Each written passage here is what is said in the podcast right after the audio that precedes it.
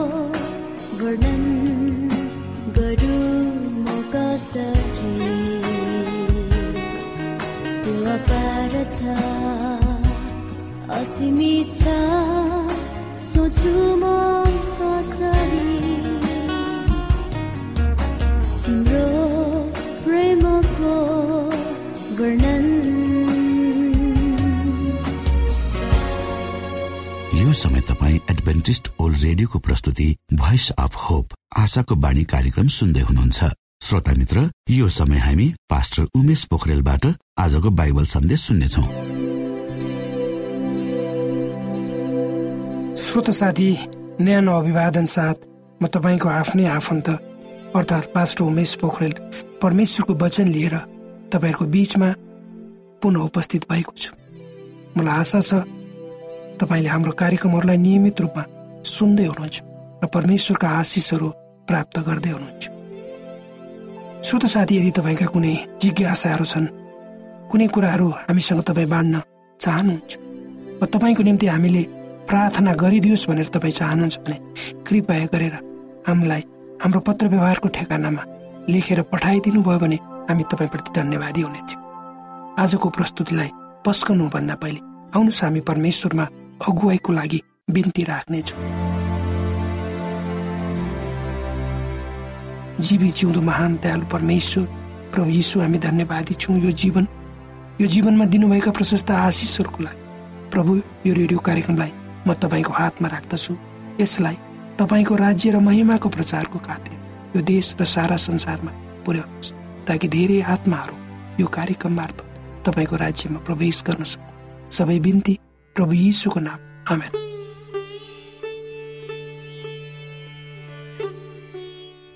श्रोत साथी प्रत्येक कुराको समय छ। र पावल प्रेरितका अनुसार प्रत्येक कुरा जुन सूर्यमुनि छन् तिनीहरूको काम समयमा हुनुपर्छ। धेरै छिटो वा ढिलो गर्ने कामले इच्छा गरेको नतिजा प्राप्त गर्न सकिन्न। अर्थात् कुनै पनि काम गर्दा निश्चित समयमा र जुन काम जुन समयमा आवश्यक छ त्यही अनुसार गर्नुपर्छ। यो कुरो तपाईँ हाम्रो जीवनका सबै पक्षहरूमा पनि लागू हुन्छन्। एउटा बच्चा जन्मेपछि त्यो बच्चाको शारीरिक एवं मानसिक विकास एउटा समय सीमाभित्र हुन्छ। अर्थात् ऊ त्यो भर्खर जन्मेको बच्चा समयसँगै बढ्दै हुर्कदै जान्छ र उसको शारीरिक एवं मानसिक विकासको निश्चित समय सीमाभित्र ऊ बढिसक्नु पर्ने हुन्छ। यदि त्यो हुन सकेन भने उसको शारीरिक एवं मानसिक अवस्था सामान्य मान्न सकिन्न। त्यसै गरी बाली लगाउने समयमा बाली लगाइनुपर्छ र गोडमेल गर्ने समयमा गोडमेल अनि अन्न भित्र्याउने समयमा भित्र्याउनु पर्छ वर्षाको समयमा पानी पर्छ। खेत रोपाई हुन्छ तर बाली उठाउने समय भनेको वर्षा वा झरीको समय हुँदैन। त्यति बेला घाम लाग्नुपर्छ। तर जब परमेश्वरलाई खोज्ने कुरा आउँछ त्यति बेला हामीलाई समयको बन्धनले बाँध्दैन। हामी जति बेला पनि उहाँमा आउन सक्छौँ। थकित एवं बोझले दबिएको हृदयले परमेश्वरसँग आउन समय पर्खिरहनु पर्दैन। परमेश्वरलाई खोज्ने काम प्रत्येक दिनको दैनिकी हुनुपर्छ। त्यसैले पवित्र धर्मशास्त्र बाइबलको मत्ती एघार अध्यायको अठाइस र उन्तिस पदहरूमा प्रभु येसु यसो भन्नुहुन्छ यसै थोकका र बोझले दबिएका हो म कमाओ म तिमीहरूलाई विश्राम दिनेछु। मेरो जुवा आफू माथि लियो र मसँग सिक किनभने म विनम्र र कोमल रहिदिएको छु अनि तिमीहरूले आफ्ना आत्मामा विश्राम पाउनेछु। यो दुर्भाग्यको कुरो हो कि हामी हाम्रो मुख्य समय र शक्ति संसारको निम्ति खर्च गर्दछौँ। हामीहरू परमेश्वरलाई तब मात्र खोज्छौँ जब हामी वृद्ध वा केही गर्न नसक्ने भइसकेका हुन्छौँ। जब हामी जवान हुन्छ जब हाम्रो शरीरमा तागत हुन्छ शक्ति हुन्छ हामी केही गर्न सक्छौँ त्यति बेला धेरै मानिसहरू परमेश्वरलाई खोज्दैन परमेश्वरको नजिकमा आउँदैन उनीहरूको मन संसारतर्फ हुन्छ। तर जब मानिस शारीरिक रूपमा छिडा हुन्छ वा वृद्ध हुन्छ तब मात्र परमेश्वरलाई उसले खोज्न चाहन्छ। यो संसारको गति यस्तै छ। यदि हामीले उहाँलाई हाम्रो जवानी अवस्थामा नै खोज्यौँ भने हाम्रो जीवन र हामीले गरेका कामहरूले ठुलो माने। यदि हामीले उहाँलाई अर्थात् परमेश्वरलाई आफ्नो जवानी अवस्थामा नै खोज्यौँ भने हाम्रो जीवन र हामीले गरेका कामहरूको ठुलो माने हुन्छ। त्यसले हामीलाई आशिष त दिन्छ तर अरूले पनि उक्त आशिषबाट आशिषित हुने ठुलो मौका पाउँछ। श्रोता मित्र परमेश्वर मरेको पापीहरूलाई चाहनुहुन्? उहाँको इच्छा तु पनि है। उहाँ दयावन्त हुनुहुन्छ। र कुनै पनि पापी पश्चातापी हृदयका साथ उहाँमा आओस् भन्ने उहाँ चाहनुहुन्छ। सम्पूर्ण पापीहरू आफूसँग आउन् भनी उहाँ प्रतीक्षा गरिरहनु भएको हुन्छ। ताकि सबैलाई स्वर्गको सबभन्दा ठुलो आशिषले आशिषित गर्न सकियोस्। जब हामीले आफ्नो जीवनबाट उहाँको धार्मिकता प्रकट गर्दछौँ तब हामी उहाँको दयाद्वारा फल्छौँ फक्रन्छौँ फुल्छौँ। अनुग्रह उहाँको ठुलो उपहार हो हाम्रो लागि परमेश्वरले मुक्तिको वर्षा दिने प्रतिज्ञा गर्नुभएको छ। र ज जसले उहाँलाई खोज्दछ तिनीहरूले परमेश्वरको प्रतिज्ञालाई दावी गर्न सक्छ। कल्पना गर्नुहोस् पानीका छिट्टाहरू छरेर वा स्प्रे गरेर होइन? तर उहाँले तपाईँ र मलाई पूर्ण रूपले क्षमाशीलता र उहाँको प्रेम रूपी वर्षाद्वारा हामीलाई सिन्चित गर्नुहुन्छ। उहाँ हामीलाई भिजाउनुहुन्छ। त्यही उहाँको महान अनुग्रहको काम पनि। श्रोता साथी सबै कुराको समय छ। आफ्नै गतिमा सबै कुराको समय छ। समय आफ्नै गतिमा दौडिन्छ। यसले कसैलाई पर्खँदैन।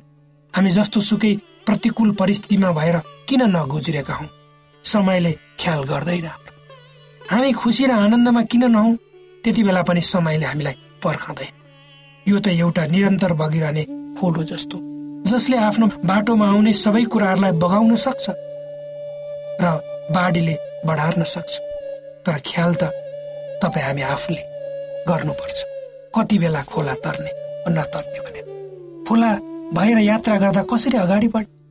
त्यसै गरी समय हामीसँग मिलेर त्यसै गरी समयसँग हामी मिलेर हिँड्नुपर्छ।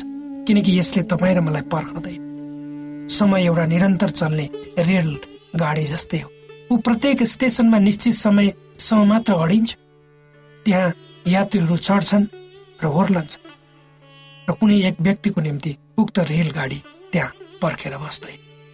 यो त निरन्तर चलिरहन्छ चाहे त्यसभित्र यात्रीहरूको चाप होस् वा त्यो खाली किरण होस्। त्यस्तो दौडी नै रहन्छ।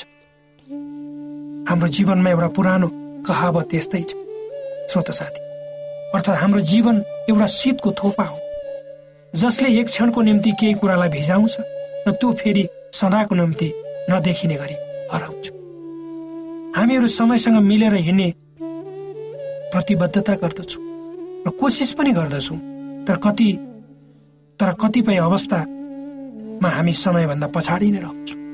लाग्दछ समय हामीभन्दा धेरै टाढा पुगिसकेको छ तर हामी त अझै धेरै पछाडि जसो तसो बिग्रिएको गाडी झै अगाडि बढ्दैछौँ। र हामीलाई थाहा छैन हाम्रो बिग्रिएको गाडी युक्त जीवन कति बेलासम्म चलेर सदाको निम्ति बन्द हुने हो।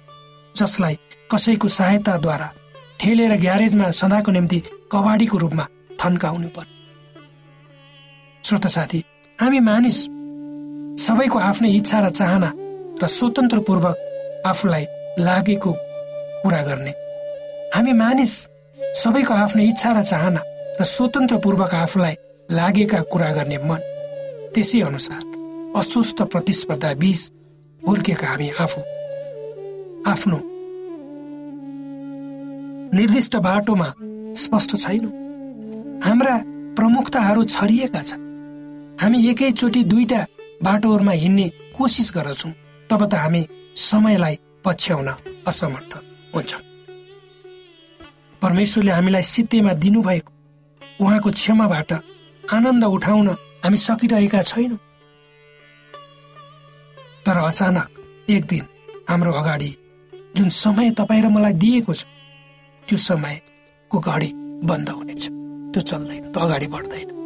अर्थात् त्यो घडी हाम्रो निम्ति सदाको निम्ति रोकिनेछ। त्यति बेला हामीले चाहेर पनि हामी केही गर्न सक्दैन। त्यसैले आज यदि तपाईँ र मैले उहाँको आवाजलाई सुन्यौँ र आफ्नो हृदयमा राख्यौँ भने भोलि हामीले पछुताउनु पर्दैन। उहाँलाई खोज्नुहोस्।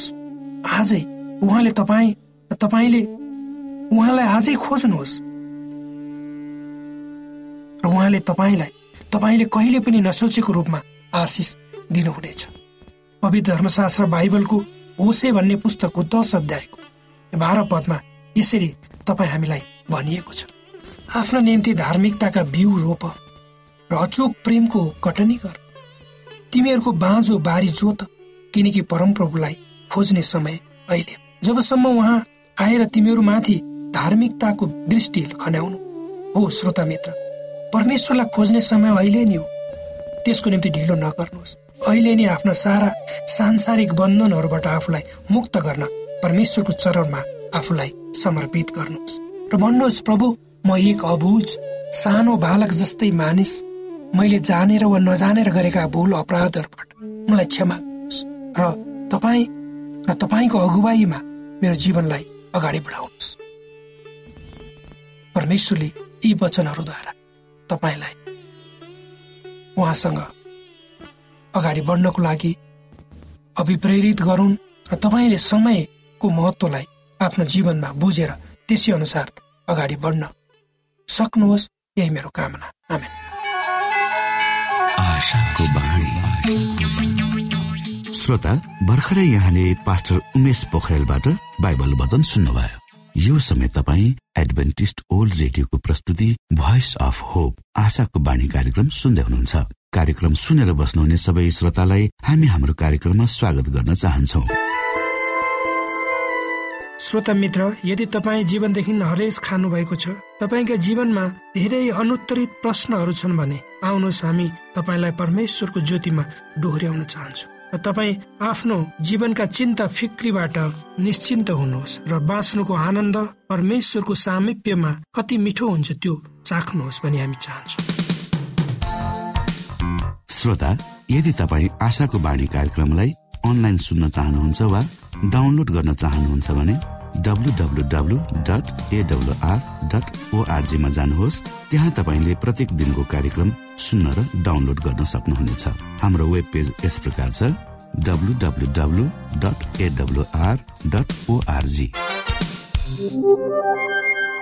श्रोता यदि तपाईँ हामीसित सिधै फोनमा सम्पर्क गर्न चाहनुहुन्छ भने हाम्रा नम्बरहरू यस प्रकार छन्। अन्ठानब्बे एकसाठी पचपन्न शून्य एक सय बिस.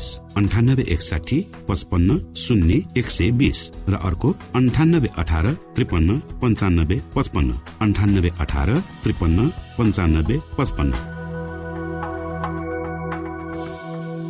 श्रोता साथी आज म तपाईँहरूको बिचमा एउटा कथा लिएर उपस्थित भएको छु। र कथाको शीर्षक छ स्वर्गदूत र डायना। आउनुहोस् हामी कथा यसरी अगाडि बढाउँछौँ।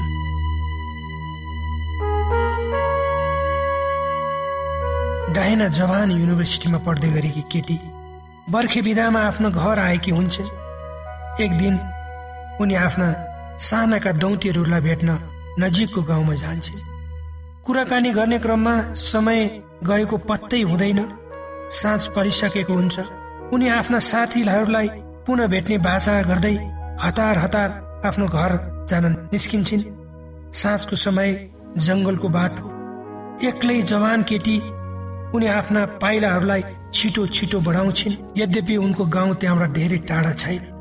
जब उनी एक्लै ठुला ठुला रुखहरूको बीचमा भएर हिँडिरहेकी हुन्छन् उनले परमेश्वरलाई पुकारछिन् र भन्छन् प्रभु मलाई सबै कुराहरूबाट अप्ठ्याराहरूबाट बचाउनुहोस्। जब उनी आफ्नो गाउँको एउटा गल्लीमा पुग्छिन् उनको मनमा छोटो बाटो भएर घर जाने विचार आउँछ। उनी अगाडि बढ्छिन् र पर गल्लीको बीचमा एउटा मानिस उभिरहेको देख्छिन्। लाग्दछ उक्त मानिस उनलाई नै पर्खी बसिरहेको छ। उनी डराउँछिन् र परमेश्वरको संरक्षणको लागि प्रार्थना गर्न थाल्छिन्। जब उनले प्रार्थना गरिसक्छिन् अचम्म किसिमले उनमा आनन्द सान्त्वना र सुरक्षाको अनुभूतिले उनलाई बेरेको आभास हुन्छ। र उनलाई लाग्छ कि उनीसँग कोही अर्को मानिस सँगसँगै हिँडिरहेको छ। उनी अगाडि बढ्दै जान्छन् र गल्लीको बीचमा उभिएको मानिसलाई हेर्छिन् र आफ्नो घर पुग्छिन्। अर्को दिन उनले पत्रिकामा पढिन् त्यही गल्लीमा उनी गइसकेको पच्चिस मिनटपछि एउटी केटीलाई त्यही मानिसले अग्लो मानिसले जबरजस्ती गर्यो भनेर उनलाई बडो नरमाइलो लाग्यो किनकि ती अभागी केटी उनी पनि हुन सक्थिन् भन्ने सोचले उनी रुन थाले। परमेश्वरलाई उनले धन्यवाद दिइन् र उनको मनमा लाग्यो म पुलिस चौकी जान्छु र कतै त्यही मानिस हो होइन म ठम्ब्याउन चाहन्छु। त्यही निर्णय साथ उनी पुलिस चौकी जान्छन् र उनले पुलिसलाई त्यो साँझको आफ्नो घटना बताउँछिन् र भन्छन् के म त्यो मानिसलाई हेर्न सक्छु? त्यहाँको पुलिस अफिसरले उनलाई कैदीहरू राखेको ठाउँमा लान्छन् र उनले कैदीहरूको बिचमा निहाल्दै जाँदा त्यो अग्लो मानिसलाई सहजै चिन्छन्। र तब उनले त्यो मानिसलाई एउटा प्रश्न गर्छिन् र भन्छन् त्यो साँझमा त्यो अँध्यारो गल्लीको बिचमा उभिने मानिस तिमी नै होइन। त्यो मान्छेले भन्छ हो म हुँ। त्यो मानिसले पनि ती केटीले अर्थात् डाइनालाई चिन्छ र उसले स्वीकार गर्छ। तब त्यो मानिसले उनका कुरा तत्कालै स्वीकार गर्छ र डाइनाले उक्त मानिसलाई सोध्छिन् किन तिमीले मलाई केही गरेनौ त? र म पछि आउने अर्की अबाला केटीलाई तिमीले आक्रमण गर्यो र आफ्नो शिकार बनायो? उसले जवाब दियो किनकि डाइना एक्लै थिएनन्। उनीसँग उनको दायाँ र बायाँ दुईवटा अग्ला अग्ला मानिसहरू हिँडिरहेका थिए। त्यसकारण त्यो मानिसले डायनालाई केही गर्न सकेन। श्रोत साथी तपाईँ हामी आफ्नो जीवनको यात्राको क्रममा धेरै समय धेरै कष्ट र दुःखहरूको सामना आपद विपदको सामना हामीले गर्नुपर्छ। त्यति बेला हामीले हाम्रो परमेश्वरलाई पुकार्यौँ भने हामी जस्तो सुकै समस्या र अप्ठ्यारो परिस्थितिमा किन नहौँ परमेश्वरले हामीलाई सुरक्षित राख्नुहुनेछ। कोभिड नाइन्टिनका सम्पूर्ण खोप वा भ्याक्सिनको सफल परीक्षण गरिएको छ। यी भ्याक्सिन लिनाले हामी गम्भीर बिरामी हुनबाट जोगिन सक्छौ। त्यसैले तपाईँ पनि यो खोप लिनुहोस्। यदि तपाईँलाई पहिले नै कोभिड पोजिटिभ देखिसकिएको छ भने तपाईँ यो खोप चाँडै नै लिनुहोस्। यसो गर्नाले हामी र हाम्रो समुदायमा रोग प्रतिरोधक शक्ति चाँडै नै आउनेछ र हामी सबैजना पहिले जस्तै सामान्य जीवनमा फर्कन सक्दछौ। युनेस्को डब्लुएचओ र रेडियो कार्यक्रम आशाको बाणीबाट जनहितमा जारी सन्देश।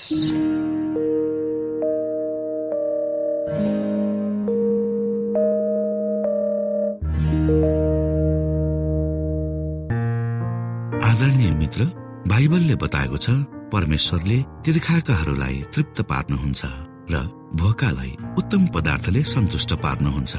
हामीलाई दिइएको यो छोटो समय आशाको बाणीको प्रस्तुतिको समयमा हामीले हाम्रा श्रोताको आत्मिक भोकलाई केही मात्रामा भए तापनि सही प्रकारको खोराक पस्केर आत्मिक सन्तुष्टि दिन सकेका छौँ केही ऊर्जा थप्न सकेका छौँ भनेर हामीले आशा राखेका छौँ।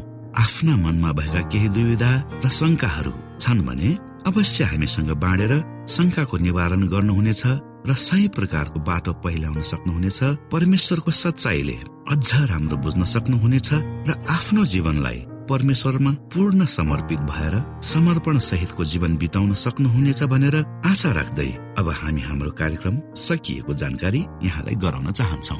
जानुभन्दा अगाडि श्रोता हामी यहाँलाई हाम्रो ठेगानाको विषयमा जानकारी गरौं। हामीसँग पत्राचार गर्ने हाम्रो ठेगाना यस प्रकार छ। आशाको बाणी पोस्ट बक्स नम्बर दुई शून्य शून्य शून्य दुई काठमाडौँ नेपाल। आशाको बाणी पोस्ट बक्स नम्बर दुई शून्य शून्य शून्य दुई काठमाडौँ नेपाल। यसै गरी श्रोता यदि तपाईँ हामीसँग सिधै कुराकानी गर्न चाहनुहुन्छ भने हाम्रो फोन नम्बर यस प्रकार छ अन्ठानब्बे एकसाठी पचपन्न शून्य एक सय बिस। अन्ठानब्बे एकसाठी पचपन्न शून्य एक सय बिस र अर्को अन्ठानब्बे अठार त्रिपन्न पन्चानब्बे पचपन्न। अन्ठानब्बे अठार त्रिपन्न पन्चानब्बे पचपन्न। हामीलाई इमेल पनि गर्न सक्नुहुन्छ। हाम्रो इमेल एड्रेस यस प्रकार छ Nepal at AWR dot ORG Nepal at AWR dot ORG यदि तपाईँ हामीलाई अनलाइन सुन्न चाहनुहुन्छ वा डाउनलोड गर्न चाहनुहुन्छ भने तपाईँ डब्लु डट एडब्लुआर डट ओआरजीमा जानुहोस् र त्यहाँ तपाईँले हाम्रा सबै कार्यक्रमहरू सुन्न सक्नुहुनेछ।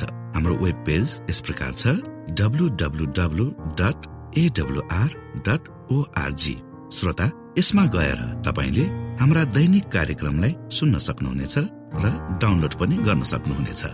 हवस् श्रोता हाम्रो कार्यक्रम सुनिदिनु भएकोमा एकचोटि फेरि यहाँलाई धन्यवाद दिँदै भोलि फेरि यही स्टेशन यही समयमा यहाँसँग भेट्ने आशा राख्दै प्राविधिक साथी राजेश पास्टर उमेश पोखरेल र कार्यक्रम प्रस्तुता म रवि यहाँसँग विदा माग्दछौ। परमेश्वरले तपाईँलाई धेरै धेरै आशिष दिनु भएको होस्। नमस्कार।